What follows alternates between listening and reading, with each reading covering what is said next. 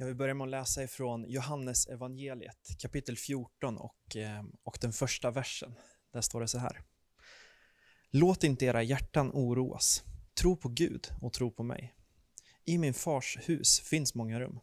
Om det inte vore så skulle jag då ha sagt er att jag går bort för att bereda plats för er. Och om jag nu går bort och bereder plats för er så ska jag komma tillbaka och hämta er till mig för att ni ska vara där jag är. Och vart jag går det vet ni, den vägen känner ni. Thomas sa, Herre, vi vet inte vart du går. Hur kan vi då känna vägen? Jesus sa då till honom, Jag är vägen, sanningen och livet. Ingen kommer till Fadern utom genom mig. Har ni lärt känna mig ska ni också lära känna min far. Nu känner ni honom och har sett honom. Jag vill börja med att be en bön för den här predikan, så var gärna med i den där du är nu så eh, ska jag strax sätta igång. Tack älskade Fader för att du är så god Herre. Tack för att du vill ta den här gudstjänsttiden, den här predikan och de här bibelorden att verkligen tala in i människors liv Herre. Ber att du kommer och eh, välsignar på alla sätt Herre. Vi ber om ett eh, ett, vi ber om skärpa, vi ber om ett öppet sinne på alla de olika platser där, eh, där den här gudstjänsten följs ifrån, Herre. Kom och välsigna mig också det, det som jag ska dela, Herre. Ber om att, eh, att det får ge god frukt, att det får bygga liv, att det får eh, ge trygghet, trygghet i ett sånt eh, spänt ämne som, som döden kan vara, Herre. Kom och välsigna oss allihopa, Herre. Det ber vi om i Jesu namn. Amen. Vi har ett år av pandemi bakom oss. Jag hoppas att du inte har missat det, annars så uppmanar jag, uppmanar jag dig att kolla på nyheterna. Ehm, det var faktiskt så jag kollade i kalendern och eh, det är ungefär ett år sedan som den här 50 personers gränsen kom. Det var den 29 mars. Eh, vi hade precis haft ett ungdomsmöte här i kyrkan och eh, vid tolvslaget där så slog det in med att man får bara samlas 50 pers. Då var vi, jag tror vi var 46 stycken vid tolvslaget så vi, vi klarade oss då. Vi har i alla fall haft ett, eh, ett speciellt år bakom oss med restriktioner, med eh, social distansering och allt vad det är. Och den här pandemin har ju påverkat alla människor på olika sätt. Någon har eh, haft någon i sin närhet som har drabbats av det. Någon har själv eh, fått, eh, fått den här sjukdomen. Någon har levt eh, isolerat och knappt träffat människor på ett år. Vissa andra som har, har fått det, de har bara känt det som en, en lätt förkylning som har varit över efter några dagar. Och vissa andra har det drabbat mycket hårdare och de har till och med fått, fått sätta livet till. Så jag tror att i, i den här tiden som vi lever i, och också i den här predikoserien som vi befinner oss mitt uppe i, en serie om liv, så är det också väsentligt att tala om döden. Och jag vill eh, vinkla det och kanske prata mer om det som kommer efter döden här, efter vårt liv här på jorden. För mig personligen så var det ganska tidig ålder som, jag, eh, som det slog mig ganska hårt eh, när jag insåg att livet här på jorden skulle ta slut. Att jag inte skulle få leva med mina föräldrar för evigt, att eh, jag inte skulle ha mina vänner omkring mig för evigt. Det tog ganska hårt på mig eh, och jag kan komma ihåg från när jag var liten hur min mamma ofta fick trösta mig för att jag var orolig över just döden. Vi har alla Eh, väldigt olika relationer till döden. Men jag tror att det är ett viktigt ämne att prata om oavsett hur den relationen ser ut. Och jag vill fokusera mer på det som kommer efter döden, vad Bibeln säger om vårt liv efter vårt liv här på jorden. För vi har faktiskt en väldigt hoppfull bild om vad som ligger framför oss. I vår ungdomsverksamhet eh, Kompass här i kyrkan så eh, är vi mitt uppe i en predikoserie där under titeln Jag är. Olika ställen i Bibeln där, där Jesus talar och säger Jag är. Olika påståenden som han eh, nämner om sig själv. Och jag vill knyta an lite till ett av dem även här. Vi läser ifrån Johannes 11 och 23. Och lite backstory till den här texten, vart det utspelar sig, hur sammanhanget är, så Ehm, så har precis Lazarus, en väldigt god vän till Jesus, eh, han har dött.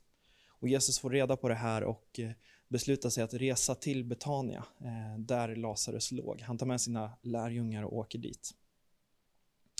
Och när han och lärjungarna kommer fram så möts de av människor som är väldigt ledsna.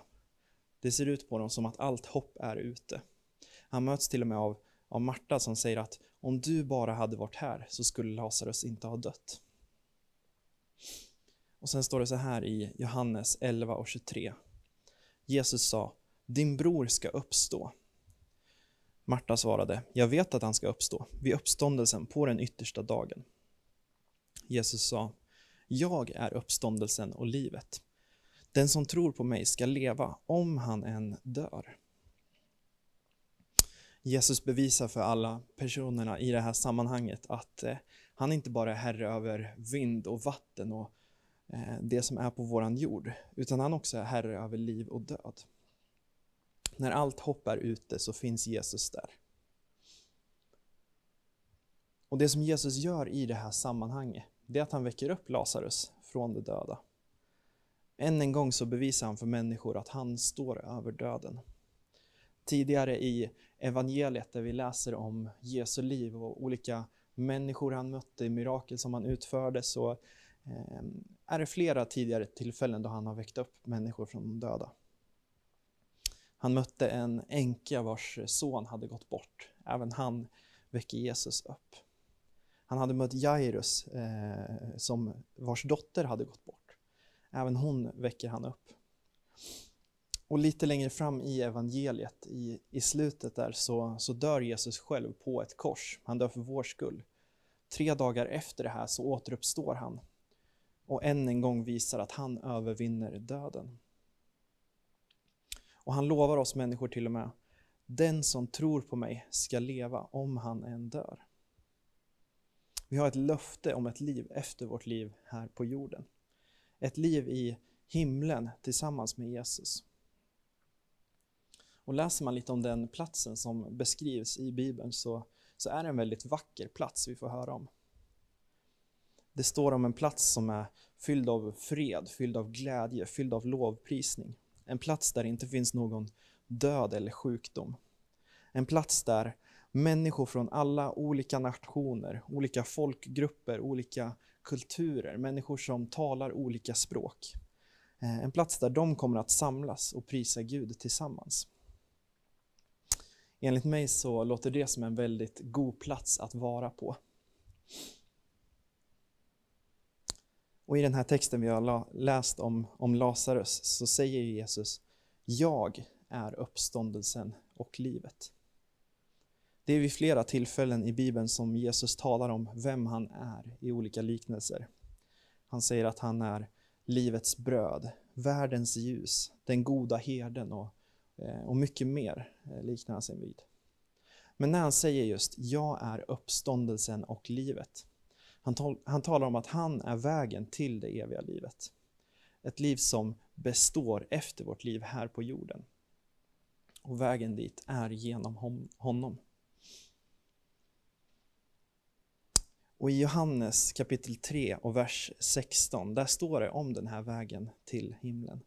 Ett bibelställe som eh, ofta kallas för den lilla bibeln, för den innehåller det mest väsentliga i det kristna budskapet. Så här står det, Johannes kapitel 3, vers 16 och 17. Så älskade Gud världen att han utgav sin enfödde son för att var och en som tror på honom inte ska gå förlorad utan ha evigt liv. Gud har inte sänt sin son till världen för att döma världen utan för att världen ska bli frälst genom honom. Det står att vägen dit är genom Jesus. Att han sändes till våran värld för våran skull. Inte för att döma, döma oss, utan för att frälsa oss. Jesus blev den länken som vi människor behövde för att, för att nå Gud. Och det står också för att var och en som tror på honom inte ska gå förlorad utan ha evigt liv. Det är ett löfte som är väldigt skönt att ha framför sig. Ett löfte som både du och jag kan vila i.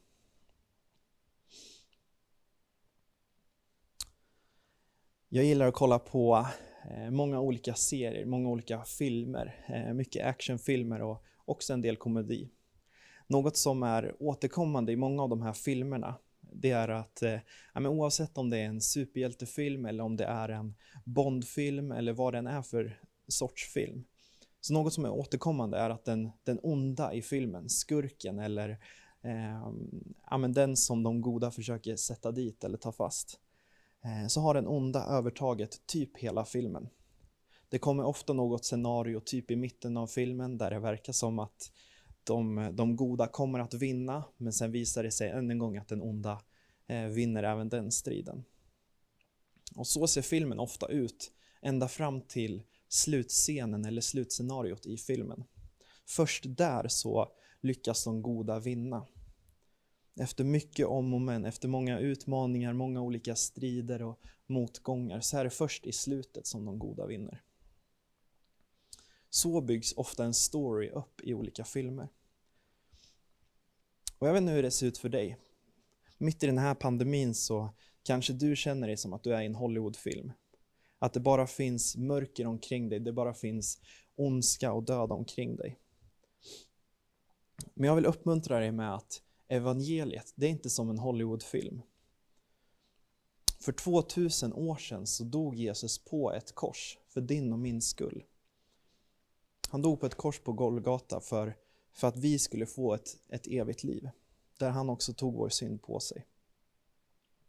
Men det var inte slut där med att han, han dog. Tre dagar efter det så återuppstår han. Han bevisar att han är mäktigare än döden. Att döden inte vinner över honom.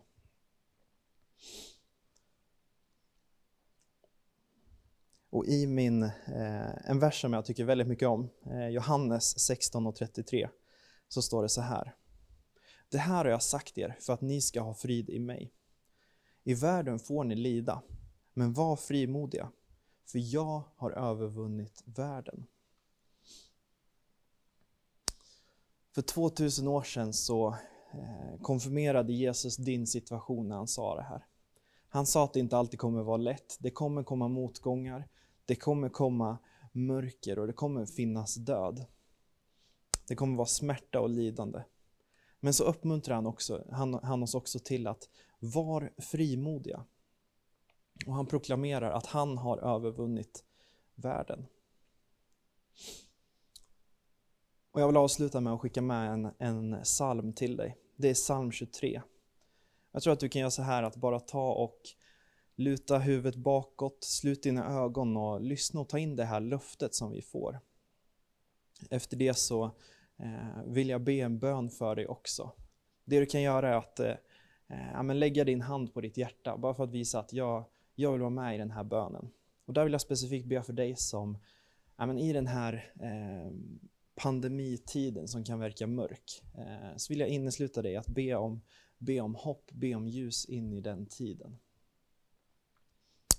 Men vi börjar att, att lyssna på psalm 23, vers 4. Där står så här. Även om jag vandrar i dödsskuggans dal fruktar jag inget ont, för du är med mig. Din käpp och stav, det tröstar mig. Du dukar för mig ett bord i mina fienders åsyn. Du smörjer mitt huvud med olja och låter min bägare flöda över. Ja, godhet och nåd ska följa mig i alla mina livsdagar. Och jag ska bo i Herrens hus för alltid. Vi ber en bön. Tack älskade Fader för att du är liv. Tack för att du är liv i överflöd, Herre. Tack för att vi får påminnas om det i den, den tiden vi, vi lever i nu, Herre. Du ser alla, alla de som har ja, lagt sin hand på sitt hjärta för att eh, bli inneslutna i den här bönen. Ber att du bara kommer och eh, sköljer över dem med liv, att du kommer och sköljer över dem med, med ljus och kärlek och trygghet i den här personen, Herre. Du ser precis omständigheterna med eh, vänner och släktingar som kan ha drabbats av den här eh, Eh, pandemin som finns, Herre. Du ser hur, hur vardagssituationen ser ut med eh, isolering och eh, social distansering, Herre. Ber om att du bara kommer och övertygar, att du kommer och påminner om att du finns med i, i alla scenarion, i alla situationer så, så är du Herre även där, Herre. Ber för dem som eh, men även nu kanske till och med eh, är hemma och är sjuk i pandemin, Herre. Ber att du kommer och hela de personerna, Herre. Ber att alla vi som kollar på det här verkligen ska få vara eh, ambassadörer för ditt hopp, Herre. Eh, bland alla de människor som vi möter på olika sätt, att vi ska få tala liv in i de situationerna, att vi ska få reflektera ditt ljus och sprida, eh, sprida din, din kärlek i dem, eh, i dem, på de platserna, Herre. Det ber vi om i Jesu namn. Och allt folket sa Amen.